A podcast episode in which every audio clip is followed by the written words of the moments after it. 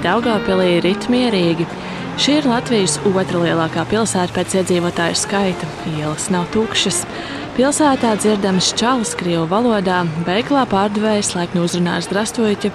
Savukārt preses izdevumu stendā vispirms skatam paveras laikraksti krievu valodā un tikai tad man žurnāls latviski.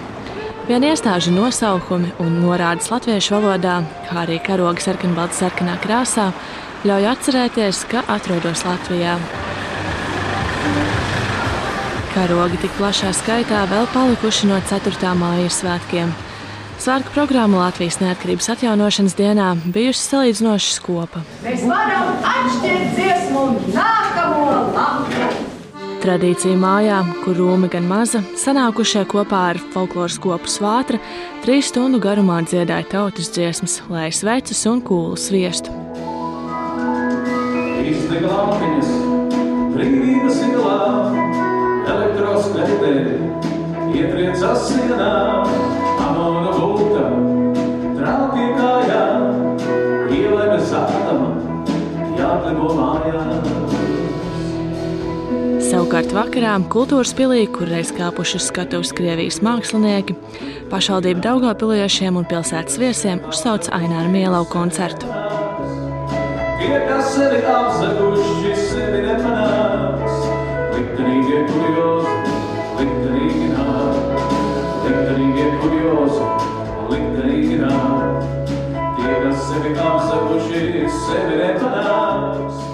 Šajā dienā pilsētas galva Andrejs Elksniņš no partijas saskaņa netika manīts nevienā no abiem pasākumiem.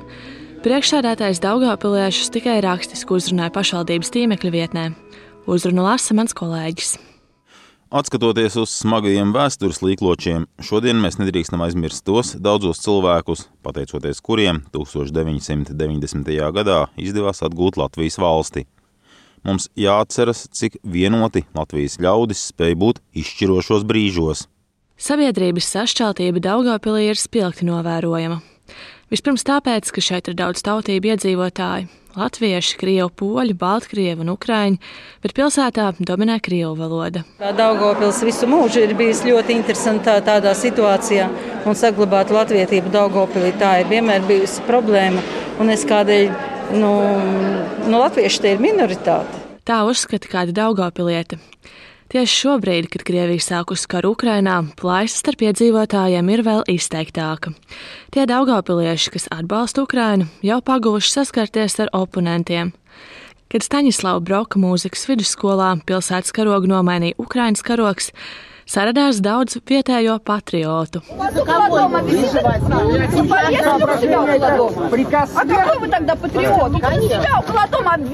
Taču Daugavpils mērs Elksniņš par Ukrainas karogu izkāršanu iepriekš žurnālistiem sacījis. Daugopilī ir tūs un ļoti mīļš mūsu pilsētas karogs, un jebkāda veida cita karoga izvietošana nav šobrīd darba dienas kārtībā. Mūzikas vidusskolas direktors Aivars Broks, kur izkārtais Ukrainas karogs sadusmoja daļu Daugavpiliešu, par šī brīža situāciju saka. Uzprasiet mani par ko Daugavpils. Es domāju, viņi ir par Putinu vai par Ukrainu. Es jums pateikšu, viņi ir par Putinu. Ja viņi ir par Ukrajinu, viņi uzskar Ukraiņas karogu, un ja viņi to izdarītu, pat tā saskaņā zinām, kas ir saskaņa un kas ir Krievijas Savienība. Pašvaldība notiekošajā ir ieņēmusi neitrālu nostāju. Tāpat kā daudz vietējie saka, ir par mieru. Pašvaldība iepriekš medijos izceļ, ka Daugopils uzņem Ukraiņas kara bēgļus. Mēneša sākumā valsts pilsēta izmitinājusi aptuveni pustūkstotu ukrāņu, kamēr citās lielās pilsētās uzņemts krietni lielāks skaits. Daugopilī mācās daži desmiti bērnu no Ukrainas. Daugopils desmitās vidusskolas direktora Valija Salna stāsta, ka būtisku strīdu nav bijis, bērni ir iejutušies un attīsta savus talantus. Mūsu taķi jau ir Igaunijā sacensībās karatē piedalījusies, ja jau tur vietu pat ieguvusi. Un, un te mūsu viena mazā meitenīte, ceturtklasniece Vera, jau ir peldēšanā otro vietu medaļu dabūjusi skolu čempionātā. Šķiet, ka skolēniem nav pretenziju pret ukrāņiem. To apstiprina arī Bariņš Daugopiliešu. Es esmu mierīga, jo nezinu. Man, man nevaru pateikt, ka man tas ir vienalga. Jā, vienalga? Jā. Klasē ir kāds? Nē, Nē. Nē. nav. Gribētu vai klasē? Varbūt, jā, tas būtu interesanti. Tikmēr pieaugušie ieņem vainu pozīciju, kurā atbalsta Ukrainu, vai izliekas, ka ir vienaldzīgi, patiesās domas neatklājot. Man vienalga. Cilvēkiem nav kur dzīvot, lai brauc. Jūs neesat pret. Un Es neesmu ne par, ne pret. Mazajā autoostā Dagdā satieku kādu kundzi gados. Tā krievu tā iebrucēja stulbā Putina. ka viņš cita tos cilvēkus, ko darīt, nekas pārdzīvo, bet tāds klusums, tāds klusums, tāds mierīgi. Klusums kādā ziņā, klusums jūs Nu, tā, gaidījāt kaut kādu aktivitāti no Ne- iedzīvotājiem? Neviens neko nerunā, nesaka. Es interesējos par to, ko jūs domājat par karu, ņemot Oi, nē, es par to runāt negribu. Vispār ne? Kāpēc? Tāpat kā Daugopilī, arī Ludzā iedzīvotāji par karu un Ukraiņiem nevēlas runāt. Uzrunāja arī kādu kompāniju, bet kundzes kā baloži bar šķīrās katru savu pusi. Viena no pensionāriem ar visu spieķi klibodam pārbēga otrā ceļa pusē. Man vienalga, kas viņam tur Es neko no, nedomāju. Karš man nepatīk, bet domāt es nedomāju. Nu, vai Ne- par Krieviju, par Ukrainu? Nē, es pavisam nedomāju. Mums ir viena alga? Nu, es nevaru pateikt, ka vienalga. Nu, es labāk man nedomāt. Sastopu kādu sievieti vārdā Regija. Viņas prāt pie kara vainīga ir pati Ukraina. Jo Ukraina visu laiku, kā teikt, nīcināja to Lugansku, Daņetsku, Pati Ukraina. pati Ukraina. Un gal galā Krievija gribēja grib viņus aizstāt. Un ja Krievija arī ienāktu Latvijas teritorijā, Kā jūs domājat, kas būs? pieņemsiet? Protams, Jūs arī? jā. Kaut es pateicu no tālsiem Latvijas. Nu, tāpēc, ka es dzīvoju padomu laikos, dzīvoju tagad, un vienkārši salīdzinu tos laikus un šos. Starp citu, es nebēgtu no savas valsts. Arī tad, ja tur bumbas Jā. būtu. Jā, jo bēg tikai bagātie, nabagie palikuši tur. Vot šita uh, propaganda, kas uh, ir televīzijā, vot tā ir pirmā, kas ietekmē uz šitus cilvēkus. Tā saka Krāslavas novada Indras pagasta iedzīvotāja Ilona Kangizere. Viņa ir dzimusi Indrā, pašā Baltkrievijas pierobežā, taču tikai pirms pāris gadiem sākusi mācīties latviešu valodu. Viņa uzskata, ka cilvēki, kas vēlas atpakaļ padomju savienību, to laiku asociē ar savu jaunību.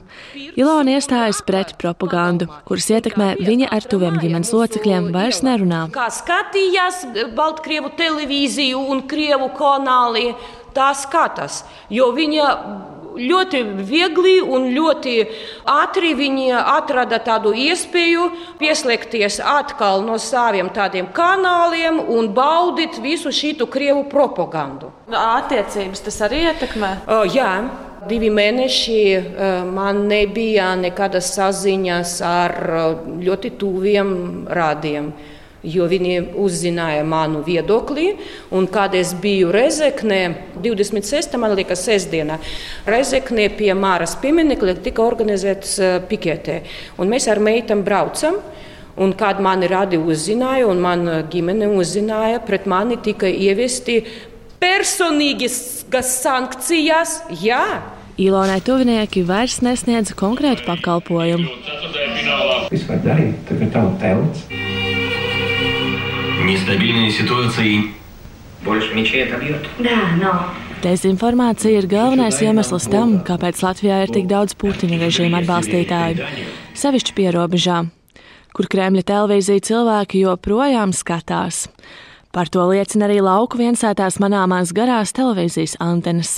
Es sastopu jā, uz ielām cilvēkus, kuriem ar mani runā. Es redzu, ka galvas vietā viņiem ir televizors un ekrānā ir rakstīts NTV vai RSIDVAT 4. Stāsta Māris Susēs. Viņš Baltkrievijas pierobežā, Indras mākslas un mūzikas skolā, bērniem māca vizuālo mākslu, tāpat latviešu valodu. Bet es saku, mēs par to runājām desmit gadi atpakaļ. Un citreiz tagad, runājot par šīm lietām, tā ir divkosība. Tagad mēs sāksim visi braukt, skriet, to vajag darīt bez šaubām. Visi brauc dotajā brīdī, un vienā gadā mēs stiprināsim to. Nē, to vajadzēja darīt agrāk. Ir ļoti daudz cilvēku, kuri šeit dzīvo, un tie ir ne tikai slāvi, arī latgalieši, broļi Vasaļi, jūs tožatāji paļ Dorida, kuri šeit dzīvo, guļ atpūšās, ēt, piedodiet arī čurā. Prāts viņu un dvēsele pieder Krievijai, Kā stāsta vietējie, Latvijā jau vēsturiski bijis grūti nosargāt latvietību. Šeit joprojām ir cilvēki, kas cer, ka pierobežu citi uzlūkos kā līdzvērtīgu Latvijas sastāvdaļu. Cīņa par propagandu, slēdzot Krievijas kanālus, nav uzvarēta. Pierobeža šobrīd ir miera stāvoklī. Visi nogaida, ar ko beigsies karš un kādas pārmaiņas tas nesīs. Linda Spundiņa, Latvijas Rādio.